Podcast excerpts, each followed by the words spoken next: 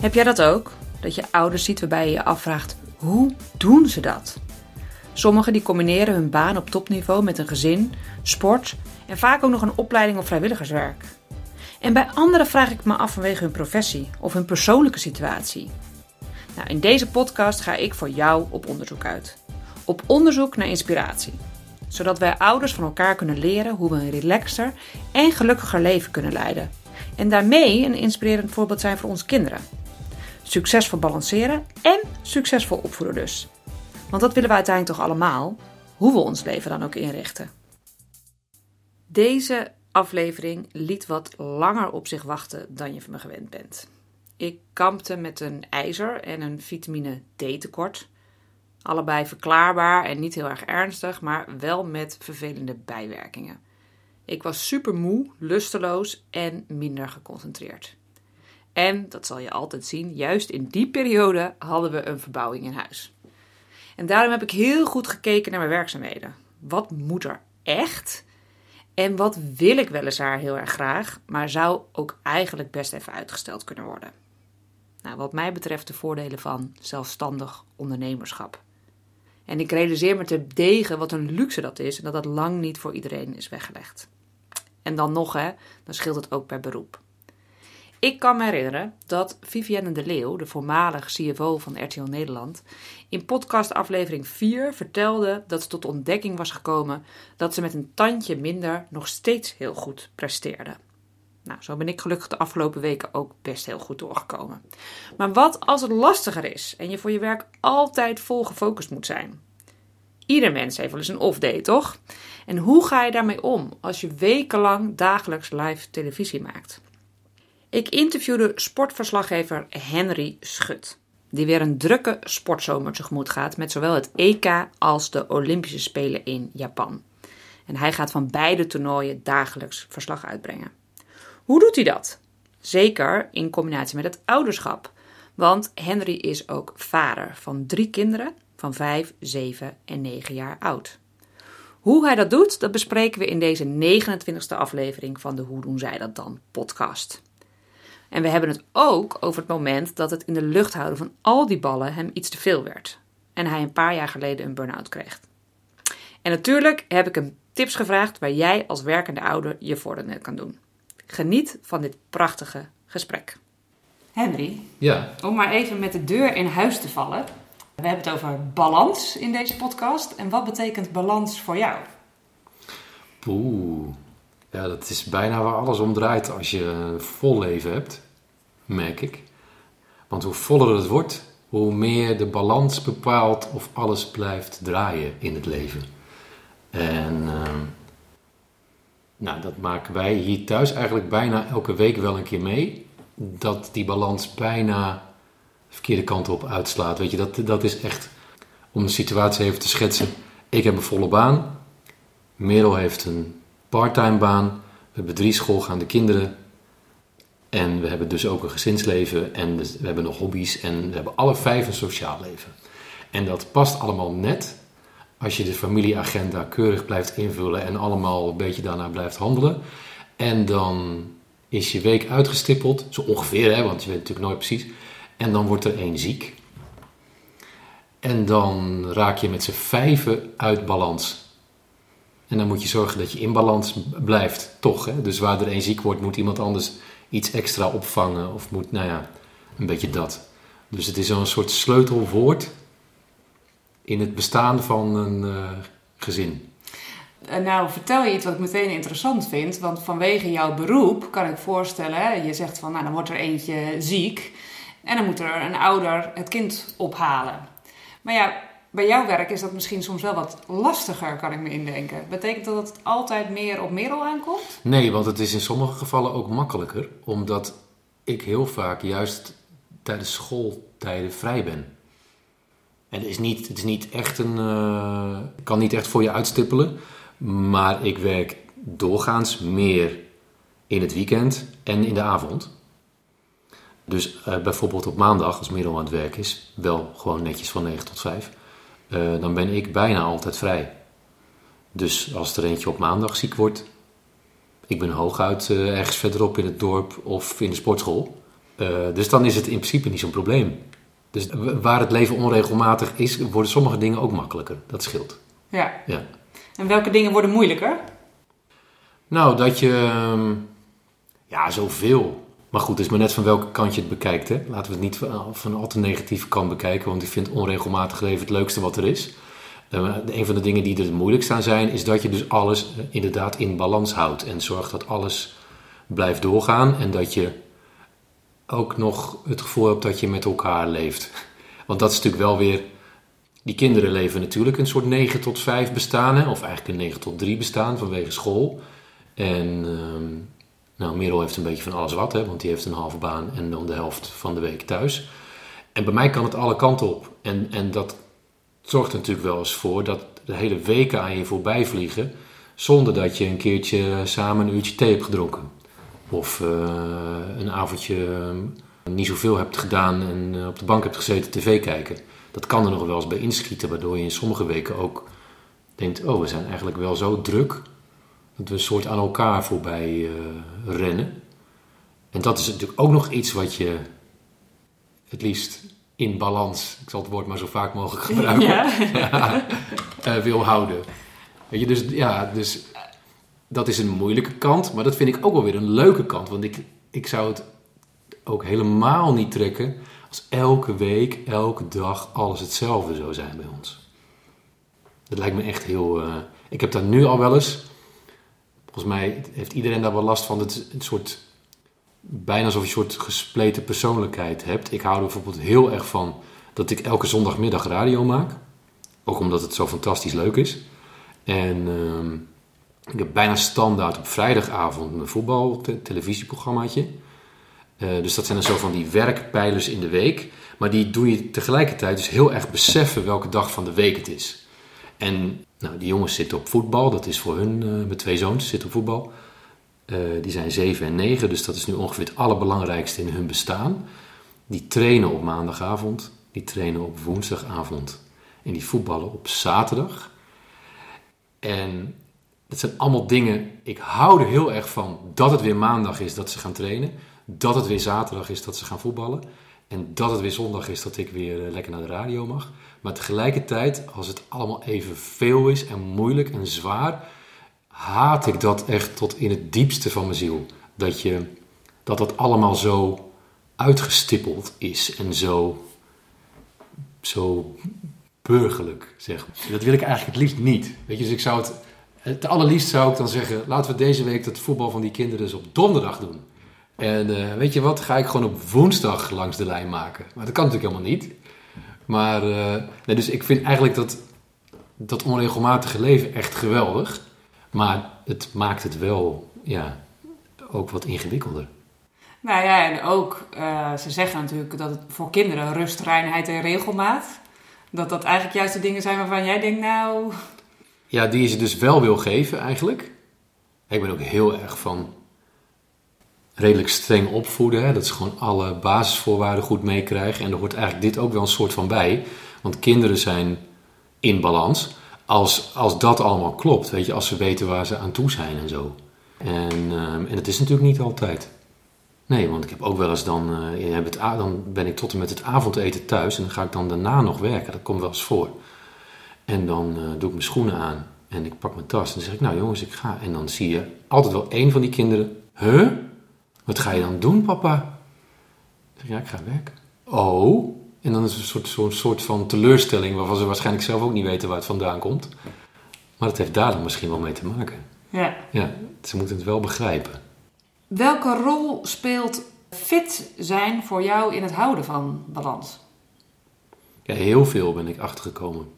Ik wist niet dat dat zoveel te maken had met de rest van je leven, want ik wilde gewoon ooit fitter worden, ehm, een beter lijf hebben ehm, en gewoon lekker kunnen sporten ook. Om, ook, ook omdat, je, omdat ik wel wist dat je dan wat lekkerder in je vel zit en zo, hè, en dat je gewoon letterlijk gezonder bent.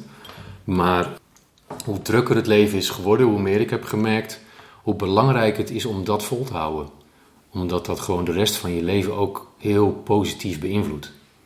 Dat had ik nooit zo gezien. Ik was wel, zoals denk ik de meeste mensen, dat als je het dan drukker krijgt, dat sporten er wel eens bij inschiet. Of dat je wel gaat, maar minder hard gaat sporten en zo. En ik, ik merkte dat op dat moment niet zo, maar achteraf dacht ik wel, oh, maar dat is dus wat er met je gebeurt als je drukker wordt en dan ook minder fit. Dan krijg je zo'n soort uh, negatieve spiraal die een soort dubbel opgaat eigenlijk.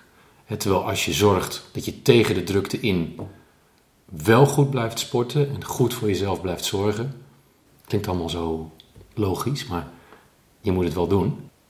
Ja, dan is het leven gewoon leuker en beter en makkelijker en ook gewoon beter vol te houden. Nou, je zegt, ik had het nooit zo door dat het zoveel impact had. Wat is dan voor jou het moment geweest dat je dat wel doorkreeg? Ik weet niet of dat één moment is geweest hoor. Ik denk wel dat dat stap voor stap gaat. Kijk, je hebt natuurlijk, iedereen heeft eerst dat je zo'n soort leven hebt dat je nog vrijgezel bent en dat je eigenlijk best wel veel tijd over hebt. En een gedeelte van die tijd sport je ook. En heb je een hartstikke leuk leven. En dan op een gegeven moment wordt het voller en voller. En dan moet je ook gewoon steeds meer leren om uurtjes die over zijn, ja, in te plannen. Dat vond ik altijd een heel naar eh, begrip. Maar je ontkomt er niet aan als je dan kinderen krijgt en allebei een baan en, uh, en allerlei verplichtingen en zo. En ja, misschien wordt het op, het op de allerdrukste momenten juist, juist toen ben gaan ontdekken hoe fijn het is om te sporten. Omdat je, ehm, nou, bij mij dan, ik heb, heb nog redelijk makkelijk praten ook, omdat ik vaak s'avonds werk, kan ik dan overdag gaan sporten en s'avonds werken. En uh, toen ik fanatieker ging sporten, toen merkte ik dat me dat s'avonds bij het werk ook extra profijt gaf. Dat ik me gewoon lekkerder in mijn vel voelde. En dat op dagen dat ik niet was wezen sporten, ik wil niet zeggen dat ik me dan verschrikkelijk voelde, want zo is, dat is het ook weer niet meteen. Maar dat is wel een soort duidelijk verschil. Ja, dus het is een soort door de jaren heen een beetje stap voor stap gekomen. Ja, ja. ja want jij hebt een, een weddenschap gehad met Maxime Hartman. Uh, wie er binnen een half jaar de beste coverlooks uh, zou hebben. Dus met andere woorden, wie het meest afgetrainde lichaam uh, zou hebben. Dat heb jij gewonnen en daar ben je ook zeer fanatiek mee aan de slag gegaan. Ja. En ik ben benieuwd. Kijk, mensen die zien vaak het resultaat, wat er uh, zeer zeker uh, mag zijn. Maar je hebt er ook echt enorm veel voor gedaan. Ja. En de dingen die ik ook las, kan ik me van indenken. Hè? Ik heb een aantal dingen uh, gelezen over uh, elke dag sporten, zeven ja, dagen in de week. Uiteindelijk wel, ja. 10, 12 eieren per dag. uh, nou, 10 liter water. ja, nou, die eieren per dag, dat was wel van, de, van een fase daarvoor. Toen ik dacht dat dat hielp bij het opbouwen van een sterk groot lijf. Nou, je krijgt er een groot lijf van, maar niet per se sterk en afgetraind. maar wat, wat, wat wilde je vragen erover? Ik vroeg me af, wat voor impact dat op je gezin heeft. Ja, heel uh, groot. Hoe, hoe zij dat hebben ervaren en ook hoe dat dus qua hoe dat dan dus nog in balans nee, Even nog die weddenschap, want uh, het, het, lijkt natuurlijk heel snel alsof dat dan ging om wie het mooiste lijf had. Maar goed, dat is wel wat je op een foto kan laten zien. De iets serieuzere ondertoon daarvan was, um, hij was al in de 50, ik was inmiddels in de 40. Allebei een ontzettend vol druk leven. Kan het je überhaupt lukken binnen een half jaar om dan zo'n fitnessmodel achteraan te gaan. En wat voor hobbels vind je dan allemaal op je weg als je het eigenlijk gewoon veel te druk hebt om dat te doen. Dus dat was dan zeg maar de, het ingewikkelde gedeelte erachter. En daarna werd het inderdaad, helaas zou ik bijna zeggen, een soort beauty contest van wie komt daar dan het beste uit. Maar goed, het is toch iets waaraan je het op het oog kan afmeten. Maar ik heb wel met name in, door dat half jaar eigenlijk alles geleerd wat ik jou nu ook zit te vertellen. Hè? Dus dat ik weet dat je je gewoon letterlijk beter in je vel voelt als je die dag al gesport hebt. Ja, oké, dat weet je onbewust, weet je dat natuurlijk, want je bent op lange termijn wat gezonder en zo. Maar ik heb ook gewoon letterlijk geleerd dat ja, er gaan gewoon bepaalde deeltjes in je lijf stromen als je bewogen hebt die dag. Waardoor je hele lijf meer aanstaat en waardoor je ook gewoon op je werk beter en actiever uh, uh, kan zijn. Nou, dat even uh, als kanttekening erbij. Was, was dat half jaar, maar goed, daarom heb ik er ook wel ja tegen gezegd. Was echt een krankzinnig half jaar. Omdat toen wel, ik dacht, oké, als ik dit één keer ga doen in mijn leven, dan ga ik dit ook alles erop en eraan doen. Dus wij kregen er een personal trainer bij en die heb ik ook gezegd dat hij het gewoon mocht aanpakken zoals hij het wilde aanpakken. En ik zou bij wijze van spreken alsof ik een machine was. Ik zou proberen daaraan te voldoen.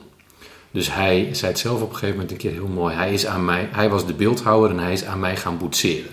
Dus er was eerst een ik vooraf en die heeft hij gepolijst tot zes maanden later. En ik heb daar gewoon alles gedaan wat hij zei.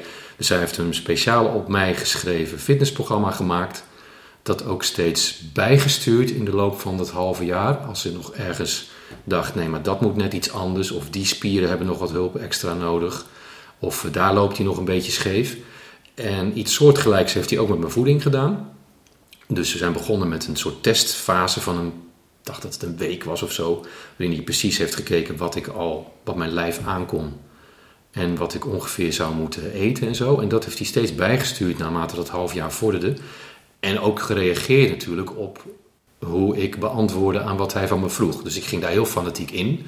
Dus ik was bijvoorbeeld na een paar weken was ik al kilo's vet kwijt. Gewoon, ik had, na, ik had ook na zes weken op de foto gekund. Dan had er ook een heel strak lijf gestaan. Niet per se heel mooi of zo, maar het was wel, dat ging best wel snel. Dus hij heeft dat de hele tijd bijgestuurd, bijgestuurd, bijgestuurd. En ik heb eigenlijk alleen maar gedaan, gedaan, gedaan, gedaan. En Merel wist waar ik mee bezig was, dus die zei: Oké, omdat, omdat je dit één keer doet, gaan we daar vol voor. Dus dan steun ik je er ook in.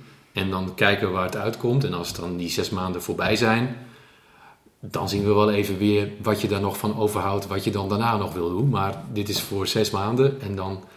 Maar die zes maanden, omdat ik zo'n rare, extreme piek heb aangeraakt, eigenlijk, zowel qua body, qua fysiek, als qua eetpatroon, die hebben mij eigenlijk alles geleerd wat ik ooit nog wilde weten daarover. Omdat ik nu precies weet, oké, als ik een tijdje dat doe, met eten of zo, dan gebeurt er dat. Ehm, ik weet precies wat ik nodig heb. En is het dan na dat half jaar ook weer wat meer, uh, ja, hoe moet ik het zeggen, regulier? Ik weet Nou, niet toen hoe wist ik- regulier het is, maar... Een van de belangrijkste lessen die je eruit leert, is dat je dat. Nou, A, ik wilde dat niet eens volhouden. Want ik had daar, een, ik had daar bijvoorbeeld een vetpercentage van, nou, ik denk dat er nog 5% over was. Ik vond het niet eens mooi. Maar het was op die fitnessfoto heel mooi, omdat het er anders oogt op een foto. Dus ik wist, dit wil ik eigenlijk helemaal niet per se eh, zo doen. Het is ook een fijne wetenschap. En ehm, oké, maar dan één tandje minder. Dat zou mooi kunnen zijn, maar dan moet je verder geen leven hebben. Dan moet, dit je, dan moet er eigenlijk model zijn of sporter zijn of zo, moet dan je leven zijn. Dan zou je het kunnen volhouden als je het al zou willen. Dus zo ben ik het een beetje zo gaan, zo gaan afpellen. Tot op een bepaald level waarop ik eigenlijk een soort best of both worlds had. Dus zeg maar een aantal maanden na die shoot voelde ik me nog steeds heel erg lekker in mijn vel. En ik had het een soort afgepeld tot op een niveau waarop ik het ook vol kon houden binnen dit leven. Dus ik wist, oké, ik moet ongeveer zo sporten, ik moet ongeveer zo'n eetpatroon hebben. En dan voel ik mij daar goed bij, gewoon omdat ik letterlijk lekker in mijn vel zit. Omdat als ik in de spiegel kijk, dan vind ik het wel prima. En, ehm, en ik leef er gewoon fijn en gelukkig op. En dat was me nooit gelukt als ik die extreme piek niet had, eh, had gedaan. Hey, en je hebt er ook een, een heel mooi boek over geschreven, hè? Topfit. Ook als je denkt geen tijd te hebben. Ja. Nou, met name die ondertitel, die intrigeert mij dan heel erg. Omdat ik dus juist weet dat sporten voor veel werkende ouders erbij inschiet. Dat zei je zelf ook al, Ja. hè? Als het krap is dan... eh, Dus ook als je denkt dat je geen tijd hebt. Wat voor tips heb je dan? Je boek is met name geschreven voor mannen. Maar ik hoop dat er qua Ja, tijdtips ook precies, wel kan- wat vrouwen... Nee, je kan het als vrouw ook vertalen naar jezelf hoor. Maar eh, het specifiekere gedeelte dat daarin zit is natuurlijk wel gewoon hoe ik train of toen trainde. Dat weet ik niet of, een, of je dat een vrouw eh, mo- eh, altijd moet aandoen. Dat is toch fysiek allemaal net wat anders. Maar dat andere gedeelte, eh, ja, dat is universeel. En dat is een mindset. Ja, daar hoef ik niet het hele boek voor voor te lezen. Als je wil weten hoe je het doet, ook als je denkt dat je geen tijd hebt, is eigenlijk de kort, de kort door de bocht versie is toch doen. Toch tijd maken. Als je dit soort gesprekken gewoon voert met mensen, dan krijg je soms terug. Ja, jij hebt makkelijk praten, man, want ik heb echt geen tijd. Oké, maar denk dan eens na. Waar, zit, waar zou nog tijd zitten? En als je dan misschien echt geen tijd hebt, dan moet je misschien eens gaan denken in prioriteit. En dan, kan, dan hangt het natuurlijk helemaal af van wat iemands leven is. Maar stel jij hebt een drukke kantoorbaan, nou, dan heb je twee, twee mogelijkheden. Net voor je werk of net na je werk. En dan zou je nog kunnen zeggen, ehm, vul de weekenddagen sowieso in met sporten. Dan heb je al twee dagen gehad. Dan hangt het daarna een beetje af van wat je doel is, maar minstens één dag erbij is denk ik nog wel handig. Want drie dagen per week sporten, dan kom je wel ergens. Nou, dan moet je dus, dan moet je dus ergens een keuze maken. Je gaat dus een keer om zes uur uit je bed in plaats van om half acht. Of je gaat één of twee keer na je werk. En dan moet je dat natuurlijk thuis overleggen en er thuis samen uitkomen. Maar het kan altijd. Je moet er alleen op, wel, op enige manier je best voor doen. Ik heb voor dat boek ook een aantal vrienden en bekenden gesproken. En één daarvan een CEO in een bedrijf. Ja, die heeft op een gegeven moment zelf de knop omgezet en gezegd: Oké, als ik dan toch de baas ben, dan heb ik ook bepaalde privileges. Dan kan ik ook twee keer in de week eerder naar huis gaan. Want die andere dagen werk ik tot negen uur s avonds of nog langer. Dan ga ik twee keer in de week ga ik wel eerder naar huis en dan ga ik nog hardlopen. Voordat ik tijd aan mijn gezin ga besteden. Of ehm, de buurvrouw past even op en ik ga samen met mijn vrouw zelfs hardlopen. En die werd toen zo, die voelde zich toen zo fijn daarin en zo fit weer toen die eindelijk weer ging bewegen en daar zelfs 10 kilo van afviel. Dat hij daarna serieus is gaan overwegen om bedrijfsfitness in te stellen voor zijn hele bedrijf. Dus ook voor hemzelf. Nou ja, zo kan iedereen op zijn manier ergens tot een oplossing komen. Alleen de crux is, je moet het echt willen. Dus je mindset moet om. En dan heb je vrijwel altijd tijd. Ja. En ik ben van de stelling, als die tijd er echt niet is, heb je niet zo'n gezond leven. Dus dan moet je misschien, misschien overwegen, op welke manier dan ook, dat je leven anders ingericht wordt. Hè? Dus vraag het aan je baas. Mag ik alsjeblieft die dag en die dag? Want die baas zal het ook terugkrijgen van je. Nou ja, en dat- ik zeg al, dat is heel erg persoonlijk. En dan moet je bijna per persoon bekijken eh, waar je het vindt. Maar ik ben ervan overtuigd dat het er altijd is. Nee, helemaal eens. En eh, ik heb een man die dan om zes uur 's ochtends gaat hardlopen. Ja, Nou vind ik hardlopen sowieso voor ouders, maar ja, dat is natuurlijk iedereen persoonlijk. Maar het fijne van hardlopen vind ik, je stapt de deur uit en eh, ik loop iets van 40 minuten hè, ja, en dan ben je weer thuis. ja. Dus ik hoef niet en naar de sportschool en weer omkleden. Ja, ik kleed me wel om voordat ik ga hardlopen. Dus het is ook redelijk makkelijk en snel Ja. te doen. Dan moet ik zeggen dat ik in de wintermaanden eh, zes uur 's ochtends wel een beetje eh, wat meer moeite mee heb. Maar in de zomer gaan wij wel samen tuurlijk. hardlopen En, en zo bedoel, ik zit hier ook niet te verkondigen dat het altijd heel makkelijk is. Hè? Want ik heb ook best wel veel dagen dat je denkt, oh ik ben zo moe. Zal ik het nu wel doen? En ik moet ook eigenlijk nog dat en dat en dat. En altijd als ik toch gegaan ben, dan heb ik er geen spijt van. Nee. Dan ben ik heel blij dat ik toch gegaan ben. En, en dat is ook wat ik bedoel met mindset. Dat tijd is één. Hè, zoek eerst eens even uit of je er inderdaad echt geen tijd voor hebt. En 9 van de 10 mensen zullen er dan achter komen dat ze er toch tijd voor hebben. En als jij een van die, ja, als je die, die tiende van de 10 bent, dan moet je zorgen dat het een prioriteit wordt in je leven. Want het is gewoon te belangrijk om het maar als een soort reservegetal weg te zetten. Zo van ja, oké, nou de keren dat ik er dan tijd voor heb, dan ga ik wel even sporten. Maar dat is toch, dat, zo doe je toch ook niet met slapen en eten? Nee. Nou, de keren dat ik er dan tijd voor heb, ga ik wel even wat eten. Nee, je hebt eten nodig. En zo hebben de meeste mensen, er zijn uitzonderingen, maar vrijwel alle mensen hebben ook beweging nodig. En hun lijf moet gewoon energiek blijven. En, Ja, ik denk ook dat heel veel mensen niet weten wat ze missen eigenlijk. En Ja. Dus hoe goed ze zich eigenlijk zouden kunnen voelen als ze wel gaan Ja. sporten. ja, En dat het nu eigenlijk allemaal Ja. nou, oké is. Maar dan denk Terwijl- ik, ja, nu is het misschien een zeventje. Ja. En ga je fanatiek aan de bak. ja. En je hoeft nog niet eens heel fanatiek aan de bak, hè, zoals jij. Nee, daarom. Nee, want ik bedoel, daarom, ik ben natuurlijk voor een aantal mensen een heel slecht voorbeeld. Want als je helemaal niet sport en je ziet mij of mijn verhaal, dan denk je van ja, sorry, maar daar ga ik, daar ga ik niet aan beginnen. Te ver van mijn Ja, bedshow. precies, maar dat hoeft Ja. ook helemaal niet. Ik ben ook ooit vanaf een punt gekomen dat ik van niet meer bewegen. Ik heb gevoetbald en getennist tot mijn twintigste. Toen ben ik gaan werken in de media. Nou, als iets slecht voor je lichaam is, dan is het gaan werken in de media. Want je werkt onregelmatig, je kan geen sport meer doen met iemand samen. Want je kan, dus valt met jou geen afspraak te maken als je een onregelmatig leven hebt.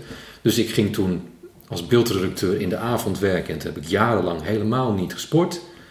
Nou, als je 25 bent, dan zie je dat niet heel erg terug aan je lichaam, gek genoeg. Tenminste, het mijne niet. En toen werd ik 28 en toen kwam er zo'n buikje zo daar beneden. Toen dacht ik, nou, dat gaat ook wel weer al te ver. Nu moet ik toch wel eens wat gaan doen. Dus het is ook vanaf een bepaald nulpunt zo opgebouwd totdat je, nou ja, in mijn geval de aardigheid in ziet om zo'n rare challenge te doen met Maxime Hartman. Maar iedereen moet voor zichzelf natuurlijk helemaal, helemaal bepalen waar hij zich lekker in voelt. En dat vond ik dan dus ook zo leuk aan bijvoorbeeld die vriend van me die CEO is. Die heeft zo'nzelfde fase doorgemaakt om een andere reden. Want die was ehm, zo druk met zijn bedrijf dat hij er dus geen tijd voor nam. Die werd ongezonder, ongezonder en ongezonder. Want ook regelmatig eten schoot er dan natuurlijk bij in. Hè, want lange werkdagen en zo. En dikker en dikker en dikker. Totdat hij dacht, nou hier moet ik toch echt eens iets aan doen. Want anders dan ehm, word ik bij wijze van spreken niet eens oud. En die vindt zo stap voor stap daar aardigheid in. En, ehm, en die loopt nu marathons. Weet je, dus dat is ook van een nulpunt, nou wanneer zal het geweest zijn, acht, negen jaar geleden, tot er nu een uitdaging in zien om een marathon uit te lopen. Nou, mij niet gezien. dat lijkt mij dan weer verschrikkelijk, een marathon lopen. Maar, en zo, maar zo moet iedereen voor zichzelf bepalen waar, waar die begint en waar er een bepaalde winst te halen valt. En ja, er moet wel net een knopje om. Het is misschien vergelijkbaar ook met stoppen met roken. Daar hoor je toch ook mensen over. Oh, ik, ik waardeer alles ineens weer, zeggen ze dan. Ik kan ineens weer alles proeven. Ik heb alle smaken weer in mijn mond en zo. Nou, dat is met, met van niks gaan sporten eigenlijk ook. Dat je ineens bepaalde energie toevoer krijgt. Ja, die je niet gekend hebt nog. Of, of een hele tijd niet. En wat vind jij dan van de creatieve manieren als uh, fietsen, alles met de fiets doen? Um, ja, ik hoor ook wel eens ouders zeggen, ja, maar ik doe toch ook tikkertje met mijn kinderen, weet je? Dus, dus de, ja, de vraag is of het creatieve manieren zijn of dat het excuses zijn om toch te bewegen. Nou, het is beweging. Mm Ja. Het, is, het enige is dat dan zullen er ook dagen tussen zitten dat je dat ongeveer niet doet. En als je niet oppast, misschien wel weken dat je dat een stuk minder doet. Ja. Ja, dat zeg ik. Dat is natuurlijk wel voor iedereen. Iedereen moet voor zichzelf aanvoelen waar die voldoende aan heeft ook. Ja. Ja. En, en kijk, dat vond ik dus wel het aardige. Dat als je dan één keer zo'n extreme piek hebt, zoals ik met die challenge, waarbij ik dan ook personal training had. En echt gemillimeterd ook at en zo. Dat je dan tot een bepaalde hoogte tot een bepaalde gekte eigenlijk in dit geval, kan voelen dat de energie die je erin stopt, dat je die ook terugkrijgt. Bij de aller, allerlaatste piek van de allerlaatste paar dagen richting zo'n fitnessshoot, dan wordt het zo belachelijk, dan is het ook niet heel gezond meer. Ja, want dan train je inderdaad en elke dag en je eet met zoveel erbij na te denken dat eten eigenlijk ook niet leuk meer is.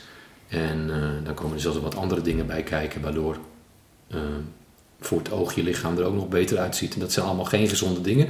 Maar tot vlak daarvoor voel, voel je wel echt letterlijk dat wat je erin stopt, dat je dat er ook uitkrijgt. Ja. En dat vind ik er zo boeiend aan. Dat heb ik er misschien nog wel het meest van geleerd. dus gewoon energie verbruiken is dat de rest van de dag terugkrijgen. Hey, dan een, een ander onderwerp. Want qua, je zei het al een paar keer, hè, dat je voor je werk onregelmatig werkt. En ook soms lange periode van huis weg bent. Ja. En hoe combineer je dat met het vaderschap? Hè? Ik heb ergens gelezen dat je schreef: Ik heb de afgelopen dagen veel met hen gedaan. Onder meer met mijn dochter naar Artes en Bolen met mijn zoon. Uh, want dan weten ze nog wie ik ben als ik terugkom. maar ja, ook deze zomer zit er weer een zomer aan te komen waar je veel weg bent. Ja. Hoe combineer je dat? Nou, dat is best moeilijk. Ja, dat is overigens ook op het gebied van fit blijven heel moeilijk. Maar dat is weer een heel ander verhaal omdat je natuurlijk nooit weet in wat voor omstandigheden je terechtkomt. Dus dan moet je ook uh, ja, soms een mouw aanpassen. Uh, voor, voor je gezin is dat gewoon heel moeilijk. Maar uh, zolang dat niet overhelt naar, naar weg zijn, en zolang je niet vaker weg bent dan thuis, is dat, ja, daar moet je gewoon mee dealen. Daar kan ik eigenlijk niet zo, daar kan, kan ik geen mooi verhaal van maken. De laatste keer dat ik echt weken weg ben geweest was naar Pyeongchang voor de winterspelen van 2018. Ja, toen hadden ze ook een aftelkalender, een afscheurkalender voor me gemaakt, die kinderen. En uh, dat, dat vond ik met name de eerste dagen en de laatste dagen heel heftig. Want de eerste dagen zie je dan echt letterlijk 26 dagen en 25 dagen op die kalender staan. Want ik zeg dan drie weken, maar ik was bijna vier weken inderdaad weg. En dat is zo'n oneindigheid. Ja, dan gaat thuis het leven door en ik moet een knop omzetten en gewoon aan het werk. En voor mezelf kan ik dat op zich wel, hè, want dat werk is zo leuk. En daar kan je gewoon vol in. En daar kan je zo weken in blijven. En dan... Maar ik denk dat dat twintig jaar geleden makkelijker was. Was dan nu. Omdat je hebt natuurlijk contact met thuis ook. En dat word je niet per se beter van. En die kinderen ook niet. Want dan kunnen ze namelijk letterlijk op FaceTime tegen je zeggen: Papa, ik mis je. En, uh, en dat voel je dan ook wel. Dus ja, ik heb niet een, daar heb ik geen oplossing voor of zo die het, die het verlicht. Behalve dan dat je moet accepteren zoals het is. Ja.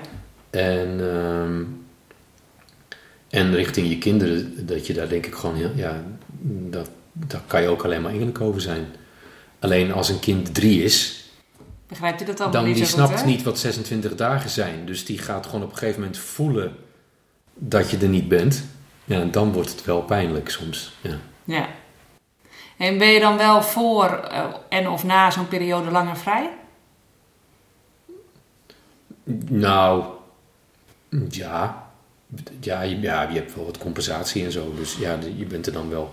Maar dat moet ook maar net matchen met, eh, met thuis. Hè. Als ze dan nog vakantie hebben of zo, dan kan je het natuurlijk vrij snel weer heel makkelijk inhalen. Ja. Ja, en als ze op school zitten, eh, wat minder. Maar ja, dat is gewoon lastig. Ja. Ja, dat is gewoon echt lastig. En, en wat je er qua gezinsleven aan kan doen, ja, is natuurlijk wel alles daarop instellen. Weet je? Dus ik zei straks, Merel werkt, die werkt eh, parttime. En die werkt in zo'n periode niet. Bij voorkeur niet.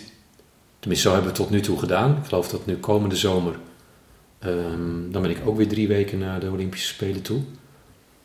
En het Eh, EK nog ervoor? ja, het EK, maar die, dat, is, dat doen we vanuit Nederland. Dus weet je, dan zijn de commentatoren wel daar en zo. Maar verder, de thuisbasis van de uitzendingen is Nederland. Dus ehm, dan ben ik natuurlijk wel 4,5 week heel druk.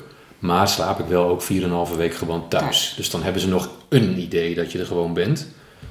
En je bent zichtbaar en eh, je kan ze een kus geven elke dag en zo. Dus dat valt op zich mee.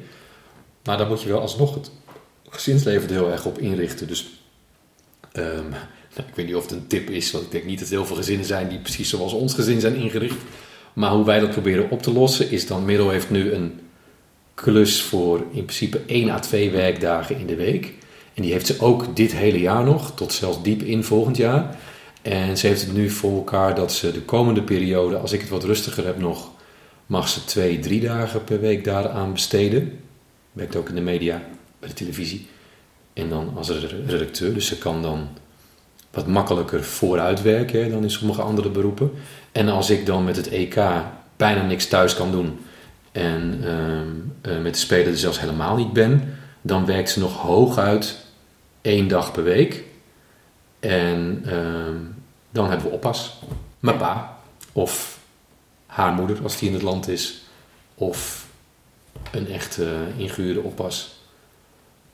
En dat is dan hoe we het oplossen. Ja. Ja, In 2014 werd jij uitgeroepen tot papa van het jaar. ja notabene in zo'n jaar met Olympische Spelen en een WK voetbal in dat geval. Ja. En waarom was je dan toch papa van het jaar? ja, dan moet je aan dat blad vragen. Je hebt ze er geen eh, uitleg bij gegeven. En misschien omdat ik het allemaal zo perfect kon uitleggen hoe je dat oplost als gezin. Eh, nee, daar zat niet een heel specifieke uitleg bij. Maar ja, nee, dus ja. Dus, maar goed, je kan dus papa van het jaar worden terwijl je er een groot eh, deel van het jaar Van niet niet Ja. bent. nou ja, en ik hoorde jou in een podcast zeggen dat je hoopt dat je over tien jaar een nog leukere vader bent. Wat betekent dat voor jou? Dat triggerde me meteen. Oeh, ik kan me niet herinneren dat ik het gezegd heb. Is dat slecht van me? Weet ik niet. Ik kan ook niet alles herinneren wat ik heb gezegd. Nee. Ehm, nou ja, omdat ook vader of moeder zijn, dat moet je ook leren. En misschien elke fase wel weer opnieuw. Want een babytje hebben is een soort fase, ja, daar moet je mee omgaan. En dan daarna elke fase is weer anders. En ja, daar moet je dus tijd in steken en energie. En Eh, ja, misschien heb ik dat gezegd in een fase waarin, we wel, waarin ik extra veel bezig was om mijn kinderen te proberen bepaalde regels in het leven bij te brengen. Want met name één van de drie heeft dat nogal nodig. En ook, die heeft nogal veel herhaling ook nodig van bepaalde huisregels. Eh, dingen als eh, niet te hard praten, de deur van de kamer dicht doen als het winter is, want anders wordt het zo snel koud. Eh, allemaal van dat soort onbenullige, niksige dingen. Ja. Maar waardoor je soms wel aan het einde van de dag denkt... "Pff, Was ik, weer de, was ik nou weer de hele dag bezig met mijn kind corrigeren? Dus ik hoop, ik hoop met name dat als die kinderen ouder worden... dat je steeds meer kan besteden, van je tijd kan besteden aan gewoon die leuke papa voor ze zijn. Ja. Dus gewoon dingen met ze doen en steeds meer gesprekken met ze voeren en zo. En dat merk ik nu al. Ik bedoel, ze zijn nu 9, 7 en 5. Dat is natuurlijk al een compleet ander verhaal dan 6, 4 en 2. Of eh, 4, 2 en nog een baby. Ja. Weet je, al in die, in die kleinere fase, ja, dan, heb je, dan moet je het hebben van met ze naar de speeltuin gaan. En nu is het wel gewoon al, ja... Ik kan met de oudste kan ik praten over de uitslagen in de eredivisie. En op een behoorlijk hoog niveau ook nog. Die klopt me in sommige dingen over de spits van die of die. Of eh, Oh ja? wie daar of daar heeft gescoord. En eh, of dat die middelste van zeven dan thuis komt en die heeft dan nieuwsbegrip gehad. En die gaat ons dan even uitleggen eh, hoe dat zat met die twee jongeren die in Amerika werden aangehouden. Wat was dat ook weer? Op zo'n verboden terrein ergens. ik weet niet precies hoe het zat. Maar dat zegt al alles. Ik weet niet meer precies hoe het zat. En hij vertelt dan in detail hoe dat Ja. zit. Ja. Dat ik, dat ik in sommige gevallen van mijn kind iets leer over het nieuws van die week. En, eh, en dat, zijn, dat vind ik de leuke dingen eraan, weet je. Dus ik hoop dat dan over een aantal jaren, als ze dan, ik veel, 14, 12 en 10 zijn, dat het de overhand heeft dat je gewoon op normaal menselijke basis met ze communiceert, weet je. In plaats van dat je alleen maar de strenge papa hoeft te zijn op sommige momenten. Ja. Nee, en ik hoor best wel veel een enorme ambitie eh, eh, spreken bij jou. Ik las ook dat je in 2015 een burn-out hebt gehad. Ja. Was dat een gevolg van die enorme ambities? Ehm, nou, misschien indirect. Het was eh, wel een letterlijk gevolg van een gewoon belachelijke drukte. En letterlijk even uit balans zijn, dus ja. Ik was wel binnen een paar maanden vanaf, dus het was denk ik niet heel erg te laat, maar het was wel op een punt dat ik wel even een paar weken echt volledige rust nodig had. Dat kwam eigenlijk, zoals bij iedereen denk ik komt, simpelweg doordat het even overstroomt. En, en of dat dan puur geestelijk is, of lichamelijk, of allebei, of een combinatie van die zaken, dat weet ik niet precies. Sinds die tijd ben je dingen anders gaan doen? Nou, in elk geval ken ik die grens nu. Tenminste, ik kan soms kan ik voelen van, oh, nu moet je even oppassen, want anders ga je richting de rode zone, zeg maar. Dat was op dat moment was het eigenlijk heel erg verklaarbaar. De eerste paar dagen schaam je er heel erg voor, want dan denk je van, hé, dat, ik had nooit verwacht dat het mij zou overkomen. Volgens mij heeft iedereen dat, die een, iets heeft wat je op die manier kan betitelen. Overspannen, burn-out, eh, weet ik veel. Je kan er van allerlei namen op plakken. Maar het was gewoon even te veel en ik moest gewoon even rust houden. Nou, het was vlak na dat 2014 jaar, dus dat was echt mijn meest drukke jaar ooit geweest. De jongste was net geboren. Echt net, die was anderhalve maand oud. Dus we hadden drie kinderen, wat wel een wereld van verschil maakt met twee. Dat had ik nooit kunnen bedenken, maar het is echt een enorm verschil. Vond echt een veel grotere stap dan van 1 naar 2. En ik zat echt, zeg maar, qua werk. Nou, luxe probleem, dat dekte de lading niet eens. Dat was echt ongeveer alle leuke dingen die wij hadden bij de NOS, die deed ik. Dus ehm, ik zat midden, ik had net dus Olympische Spelen gehad en WK voetbal. Ik zat midden in het schaatsseizoen waar ik eh, heel veel dingen voor mocht doen en voor op pad mocht. Ik was net naar de andere kant van de wereld geweest. Eh, was het, ik denk dat het Calgary was. Ja, dus echt zeg maar eh, tien uur eh, weg hier vandaan. Ik had een jetlag. En ik zou een paar dagen later alweer twee dagen heen en weer vliegen voor twee wedstrijden in de Champions League. Want we hadden toen nog de Champions League rechten bij de NOS. Inmiddels niet meer. Dat is mijn redding geweest. nee, niet, maar het verlicht wel de bende een beetje. En Eh, en thuis was dus van alles aan de hand. En Merel was eigenlijk letterlijk nog niet helemaal terug op de been van ons derde. Dus ik had en veel te veel werk eigenlijk. En net iets te veel thuis. En ik was ook gewoon letterlijk een klein beetje ziek. En toen hield het op. Ineens. Gewoon op. En eh, nou, daar leer je heel veel van. En ik ben nu eigenlijk ook heel dankbaar dat ik het heb meegemaakt. En dat hoor je heel veel mensen Ja, omdat dat... bedoel, ik zit straks dat hele verhaal te vertellen over dat fitnessen. Hè, dus met sporten tot het gaatje gaan en met eten tot het gaatje gaan. En dit was gewoon precies in je leven tot het gaatje gaan. En daardoor weet je waar dus de top zit. En ook waar je in het rood gaat. En het is natuurlijk niet letterlijk dat je weet, oké, als ik dit doe, dan ben ik weer een treetje dichter bij die top. Maar ik kan dat nu wel voelen. Ik kan dat wel aanvoelen. Zo van, nou oké, dit is prima. Dat erbij is ook nog prima. Maar stel je voor dat er nog dat en dat en dat bij zou komen. Wat mensen ook nu mij aanbieden om te doen. Of ik zou nog dat erbij mogen of dat kunnen. Ehm, ik zeg het een beetje abstract, maar zo bedoel ik het ook. Het is gewoon een soort opeenstapeling van activiteiten. Dat je gewoon weet, nee, dat kan dus niet. En je leven wordt er ook niet leuker van als je nog meer leuke dingen gaat doen. Je, er moet ergens een grens zijn. En dan kan je namelijk ook alles goed doen. Ik kon toen niet meer alles goed doen. En toen, en toen het gebeurd was, dacht ik ook... Oh, maar ik had echt al...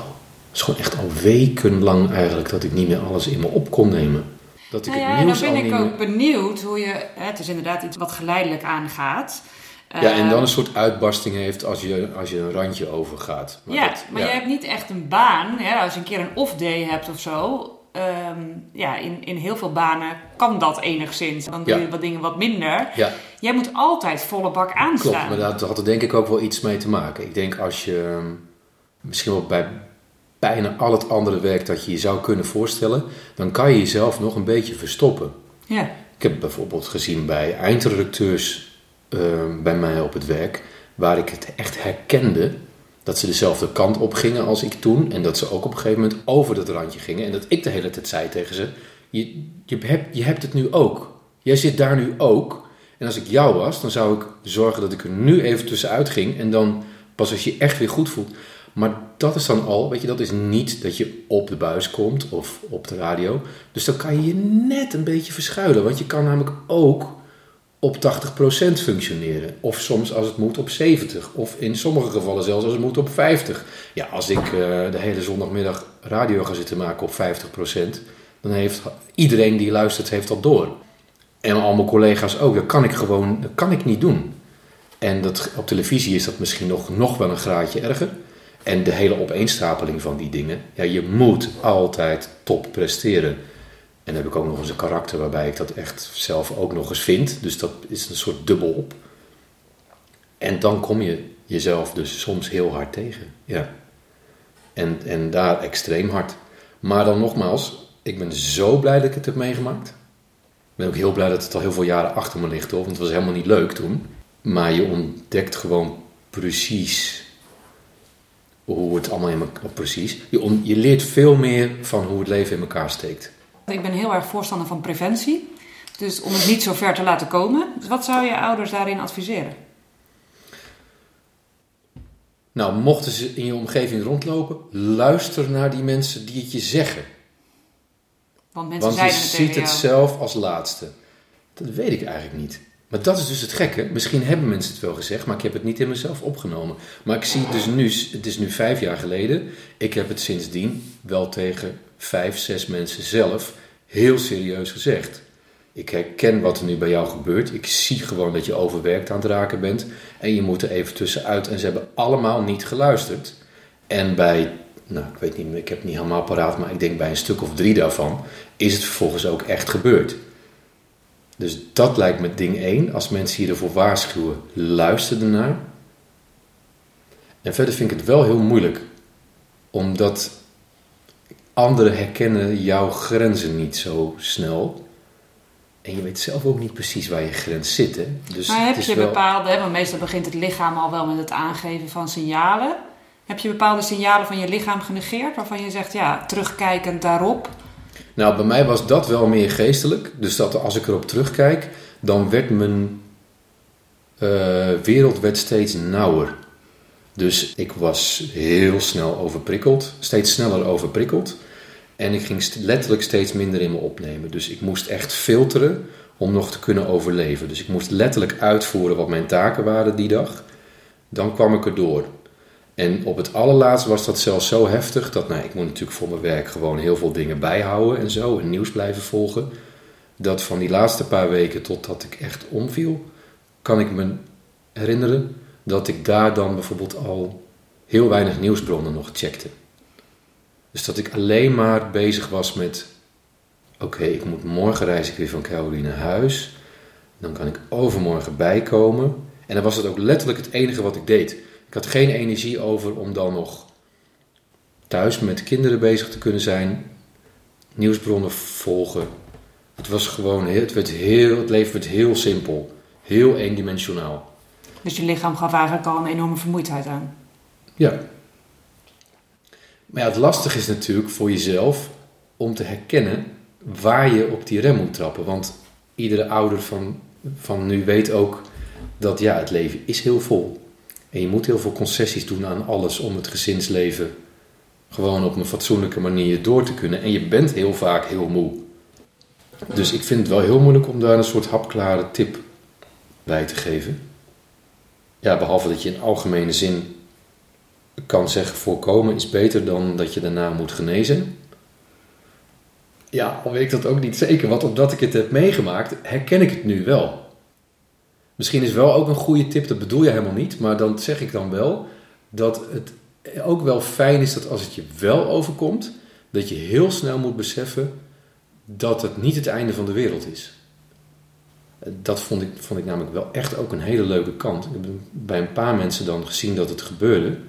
En wij leven natuurlijk sowieso, ik werk natuurlijk sowieso in een business dat het vaker dan gemiddeld voorkomt. Mhm. Dus bij, bij alle collega's waarbij het sindsdien is gebeurd, heb ik ook echt een enorme mail gestuurd om te vertellen uh, dat je er beter uitkomt en dat je er niet voor hoeft te schamen.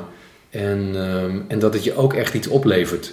En als je er eenmaal in zit, dat je dan echt je rust moet pakken totdat je er weer helemaal aan toe bent. Hè? Dus niet, ik, ik kan heel veel tips namelijk geven vanaf het punt dat het eigenlijk zover is, te laat is. Vanaf dat punt kan ik je alle tips geven die je wil. Nou, kom er maar met een paar dan. Nou, daar is de allerbelangrijkste van.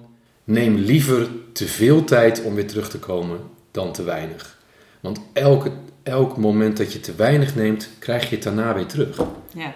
Ook daar heb ik wel één voorbeeld van voorbij zien komen. Iemand die echt gewoon overspannen was of een burn-out had of hoe je het wil noemen. En die anderhalve week later dacht, het gaat wel weer. En die gewoon weer aan de slag ging. En toen een paar weken later weer een soort half omviel, weet je wel. En dan weer een paar weken daarna, oh, het gaat wel weer. En dan dat maar de hele tijd zo door. Dat is natuurlijk op lange termijn een verschrikking. Dus als, als je nou het overkomt en je hebt die diagnose gekregen, want het is toch fijn als een arts dan even tegen je zegt dat je dat dan hebt. Dan eerst schaam je even helemaal kapot en dan daarna accepteer je het van jezelf en zorg dan dat je dan alles vrij hebt totdat je weer kan. Dus niet, oh ik heb een gezin, ik moet snel weer aan de slag. Oh mijn baan kan niet wachten. Uh, oh ze beginnen nu van mijn werk alweer te zeuren wanneer ik terugkom. Dat is allemaal onbelangrijk. De, je moet een soort leeg, schoon, agenda schoonvegen. En pas als je, bij wijze van spreken, je dood verveelt aan de keukentafel, dan ga je weer aan het leven beginnen. Dat is wel de beste tip die ik kan hebben. En tot die tijd kan ik alleen maar zeggen, ja, Probeer het bij jezelf te voorkomen. Probeer je grenzen te herkennen. En pak je rust waar je het nodig hebt. Ja. ja, dat is heel moeilijk. Dat zie ik hier thuis ook wel eens. Merel is ook wel eens echt heel moe. Of dat ze zegt, nou, ik zit er helemaal doorheen. Ik ben overprikkeld en zo. En het allerfijnste is dan, als ik dan even de, zoveel mogelijk dingen op dat moment van haar kan overnemen. Waardoor zij op tijd naar bed gaat. En misschien morgen nog een keer. En misschien overmorgen nog een keer.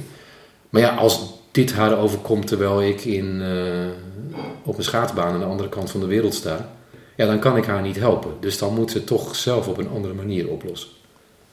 Een burn-out is niet alleen iets fysieks natuurlijk. Er zitten inderdaad ook dingen, issues onder met moeite om nee te zeggen, geen hulp durven vragen. Ja. want inderdaad, in welke mate luister je dan naar je lichaam en vraag je dan dus inderdaad extra hulp in de situatie die je hebt? Ja. En dat is dus het makkelijke van als je eenmaal de, de diagnose hebt gehad, en hoe de arts hem dan ook noemt.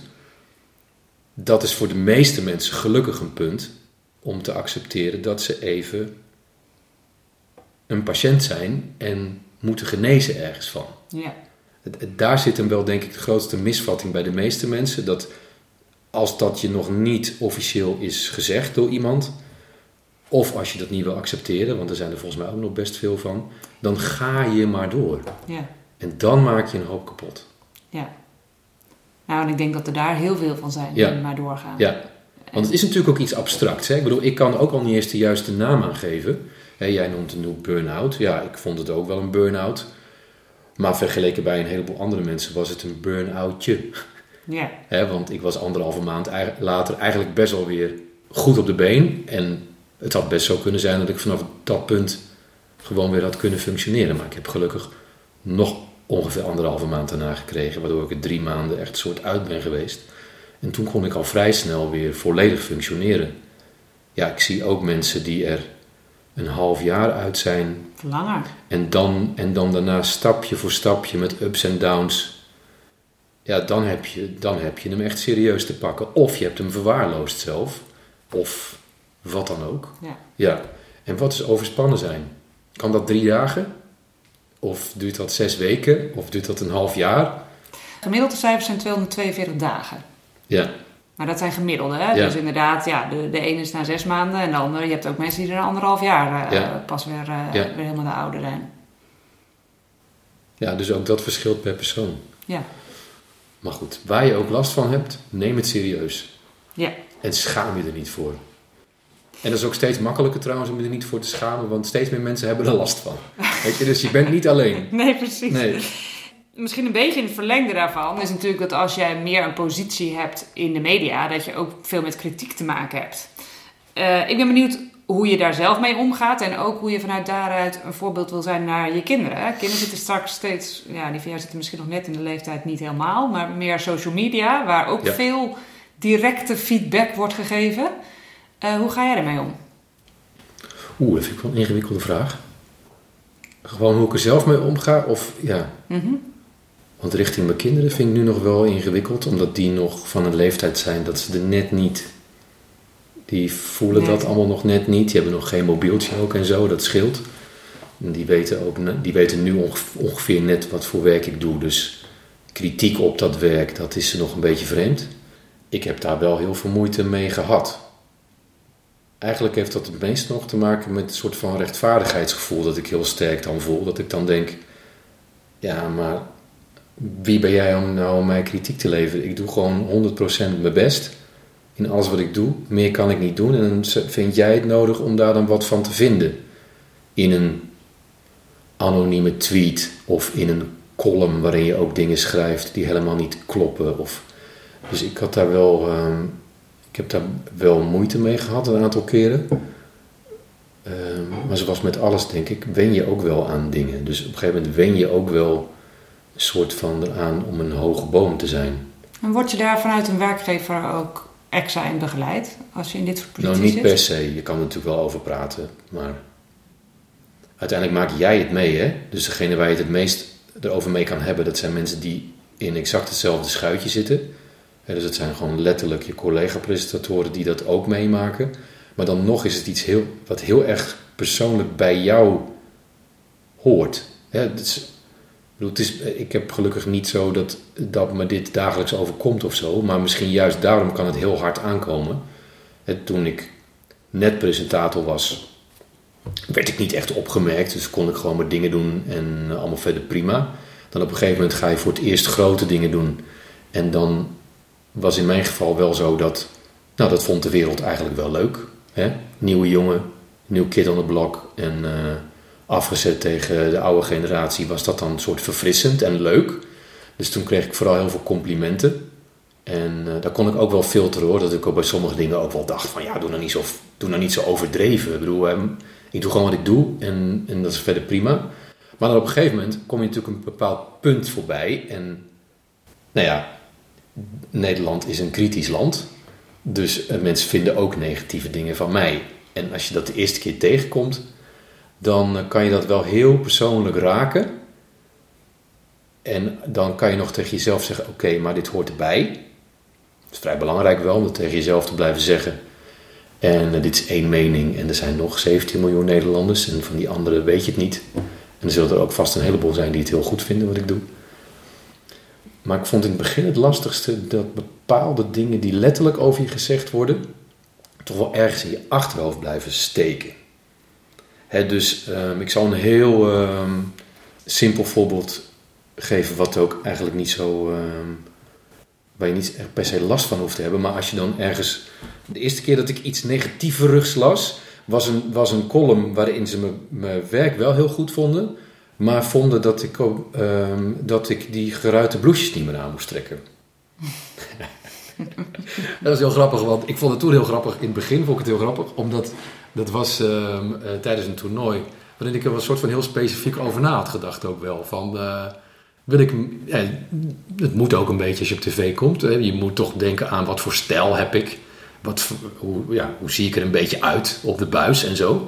En dat kan niet per se als jezelf. Want eh, als studiosportpresentator ga je niet zoals ik nu zit in een t-shirt zitten. Terwijl dat draag ik wel in mijn dagelijks bestaan. Dus ik had toen bedacht, samen met een styliste... Nou, zo'n leuke kledinglijn bij dat bedrijf. En die hebben allemaal van die, die soort... Ja, geruitachtige blouses met korte mouwen. Het is zomer tijdens het WK. Dus ehm, nou, over die 30 dagen verspreid kan ik er best een stuk of zes van die aan. En precies daarover werd dan dus geschreven in die column. Die gelukkig 80% positief was. Maar wat gebeurt er? Ik kreeg dus voor het eerst iets minder positieve eh, kritiek. Of eh, ja, ik vatte dat wel als redelijk negatief op. Ik dacht, ja, dan kan je me nog zo goed vinden. Maar als ik er niet uitzie in jouw optiek, dan leidt dat waarschijnlijk best wel af. Dus dan wil je het niet. Maar dan ga je vanaf dat moment wel altijd in een bepaalde periode daarna voor de kledingkast staan en denk je, ja. Leg dat het geruite blouseje nog maar even hangen nu. Want anders dan, eh, dan denkt die eh, van, nou, daar heb je hem weer. En dat heb ik ook wel met stevigere dingen meegemaakt. En ook al wil je het niet, je denkt er toch bij na. Dat vond ik er heel moeilijk aan. Dat het, ook al is het de mening van één persoon, en kan je nog honderd keer tegen jezelf zeggen: Het is maar één persoon, het is maar één persoon, het is maar één persoon. Je krijgt ook complimenten over dat. En over precies dat waar die ene persoon over valt, krijg je ook complimenten. Dus strepen tegen elkaar weg. En toch werkt het niet zo. En dat heb ik wel geprobeerd te leren om dat dan wel op die manier aan te gaan. Dus dat je. Sowieso moet je kritiek op jezelf moet je niet opzoeken, want je wordt er niet heel veel wijzer van. En je kan best een aantal mensen om je heen hebben waarbij, waarbij af en toe polst, ben ik goed bezig en eh, wat, zal ik, wat zal ik veranderen? Maar als je toch kritiek op jezelf tegenkomt, is wel de kunst dat je het zo snel mogelijk van je schouders veegt weer. Dat is heel moeilijk. Ja, ze zeggen ook als je geen haters hebt, heb je geen lovers. Hè? Maar Nee, dat is ook zo'n ding wat je de- jezelf kan wijsmaken. En dat vind ik eigenlijk ook wel. Nee, want bedoel, je bestaat dan tenminste. Eh, weet je, je kan, je, je kan ook een enorme grijze muis zijn waar mensen nooit iets van vinden. En dan is het misschien ook niet goed. Ik was mezelf er dus steeds op aan het trainen. Omdat ik natuurlijk wel bij mijn oudere collega's had gezien. En ook gewoon, je merkte ook de laatste jaren al dat er in de media steeds meer columns komen over televisieprogramma's. En over alles, hè, over alles zijn columns te lezen. En het werd ook, net als dat nieuwsjacht ook steeds sneller moet en steeds eerder, merkte je ook dat soms als een programma nog maar één keer op de buis was geweest, dat het al gefileerd werd in columns en zo. Dus ik was mezelf al een beetje aan het aanleren van oké, dit gaat mij ook overkomen. Dat, is, dat gaat gewoon een keer gebeuren. Dus ik was altijd al de positieve kritieken die ik dan kreeg, die was ik zelf al aan het doorstrepen. Zo van, ja, het is leuk dat mensen dat vinden, maar dan vinden ook mensen waarschijnlijk dan het niks aan. Dan moet je ook leren, dus ehm, oké, neem het heel even als een compliment op en dan laat je het los. Want je hebt er verder ook niks aan om te weten dat iemand het heel goed vindt. Want morgen is gewoon een nieuw programma, een nieuwe dag en dan moet je weer gewoon leveren. En zo dacht ik van, als er dan later dan negatieve kritieken komen, dan kan ik dat hopelijk ook zo wegstrepen met de gedachte de andere kant op. Maar dat is toch een stuk moeilijker. ja. Ja. Hey, ik heb een aantal vriendenboekjesvragen aan je. Oké. Ehm, het leukste dat ik samen met mijn kind of kinderen heb gedaan is. Het eerste wat me te binnen schiet is gewoon heel vers. naar hun voetbal kijken. Ik denk niet dat ik ooit zo trots ben geweest als de eerste keer dat Luc en Stijn een doelpunt maakten in hun eigen voetbalwedstrijd. Ja. Ja. En mijn kinderen hebben me geleerd dat.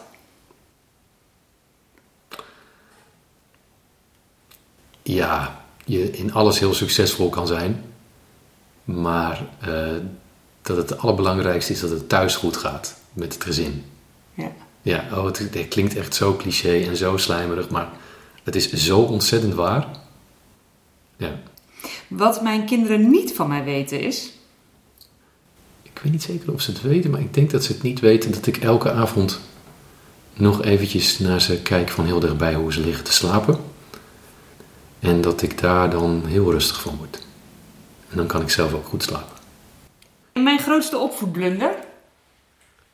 Ehm, ja, dat is al een soort terugkerende.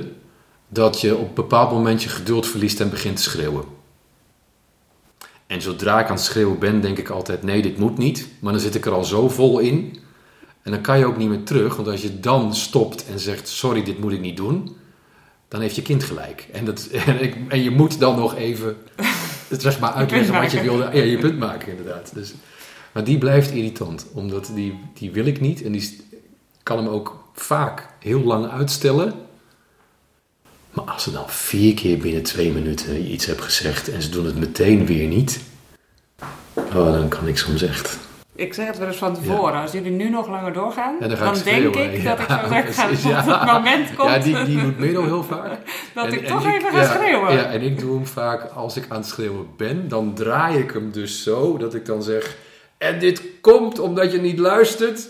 En vanaf nu ga ik alles schreeuwend doen als je alsnog niet luistert. Weet je dat? Weet je? Dus dat je het dan helemaal zo erin pakt. Dat je dan, je weet dat je verkeerd bezig bent, maar je kan eigenlijk al niet meer terug. Ja. Ja.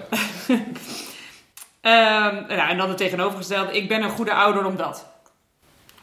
En omdat ik gewoon ontzettend veel van ze hou. Ja, En ik zou best graag een dagje willen ruilen met. dat is grappig. Na al die vorige vragen wilde ik meteen zeggen: iemand zonder kinderen. maar dat is dan meer niet omdat ik ze dan kwijt wil, maar dat je dan toch nog heel even misschien weer kan ervaren hoe dat toen was. Toen ik ook heel vaak dacht dat ik het zo druk had. En dat mijn leven zo ingewikkeld kon zijn. Terwijl ja, dat was natuurlijk het allermakkelijkste leven dat er bestond. Ja. Als je die verantwoordelijkheid niet draagt voor een en een relatie en je kinderen en dus een gezin en een huis en alles erop en eraan. Ja, dus maar misschien met iemand die zo begin twintig is en die, dat, die al die verantwoordelijkheden nog niet heeft. Kijken hoe dat eigenlijk dan voelde. En dat je dan, als je dan terugstapt in je huidige en je echte leven, dat je dan denkt: Oké, ik heb het eigenlijk best goed voor elkaar zo. Ik kan zeggen Ja. toch ook wel dat het gewoon Ja. heel fijn is. Ja. Ja. Hey, is er een vraag die ik had moeten stellen, maar niet heb gesteld? Of iets anders wat je nog kwijt wil? Nee, ik denk het niet eigenlijk. Nee. Nee, want ik vind, nee, ik kan één ding herhalen. Dat ik het belangrijkste punt vind als je hier naar luistert en je wilt er iets voor jezelf uithalen. ehm, dat je altijd moet projecteren op jezelf. Weet je, dus wat ik dan straks zei over wat ik heb geëxperimenteerd binnen sporten en binnen voeding. Vertaal dat, dat heb ik ook volgens mij in mijn boek een heel belangrijk punt van geprobeerd te maken. Lees dit niet letterlijk als zo moet ik het dan ook doen. Maar lees het binnen jouw eigen eh, leven en structuur en wensen hoe je zou willen zijn. Weet je? Dus, dus pik er iets uit waardoor je denkt: oké, ik ga dus nu ietsje meer dan, dan ik deed sporten. Ietsje beter dan dat ik deed op mijn vitamines letten. Of weet je, pik eruit wat er, wat er nodig is voor jou. Ja. En jouw boek, als ze dat willen lezen, die kunnen ze gewoon ik aan bij bol.com Ja. bestellen of eh, Ja. Ja. Is nog overal verkrijgbaar. nog overal verkrijgen. Ja, Nou, dankjewel voor dit mooie interview. alsjeblieft. Jij bedankt. Wat een mooie conclusie van een inspirerend gesprek met Henry Schut. En wij praten na het interview nog even na. En toen zei Henry iets waarvan ik dacht: dat is toch zonde dat de microfoon niet meer aanstaat. Dus ga ik via deze weg nog even met je delen. Want hij vertelde dat hij door het sporten ook een leukere partner en vader is geworden. En dat hij daardoor een fitter lijf heeft, maar dus ook een beter bioritme. En wat hij daarmee bedoelde is dat hij ehm, na een avonduitzending op tv normaal gesproken ochtends niet meedeed aan het ochtendritueel uh, met het gezin, omdat hij dan nog lag te slapen. En doordat hij zich nu zoveel fitter voelt, doet hij daar ook aan mee. Dus hij heeft veel meer gezamenlijke tijd met zijn gezin en staat relaxter in het leven. Nou, lijkt me nog een mooie extra motivatie. Wil jij nou altijd op de hoogte zijn van de nieuwste afleveringen? Abonneer je dan op deze podcast. Dat kan je gewoon doen door via jouw favoriete podcast-app op de knop abonneer te drukken. En dan laat je jezelf inspireren door mooie praktijkverhalen van andere werkende ouders. Ik wens je een hele energieke dag en tot snel.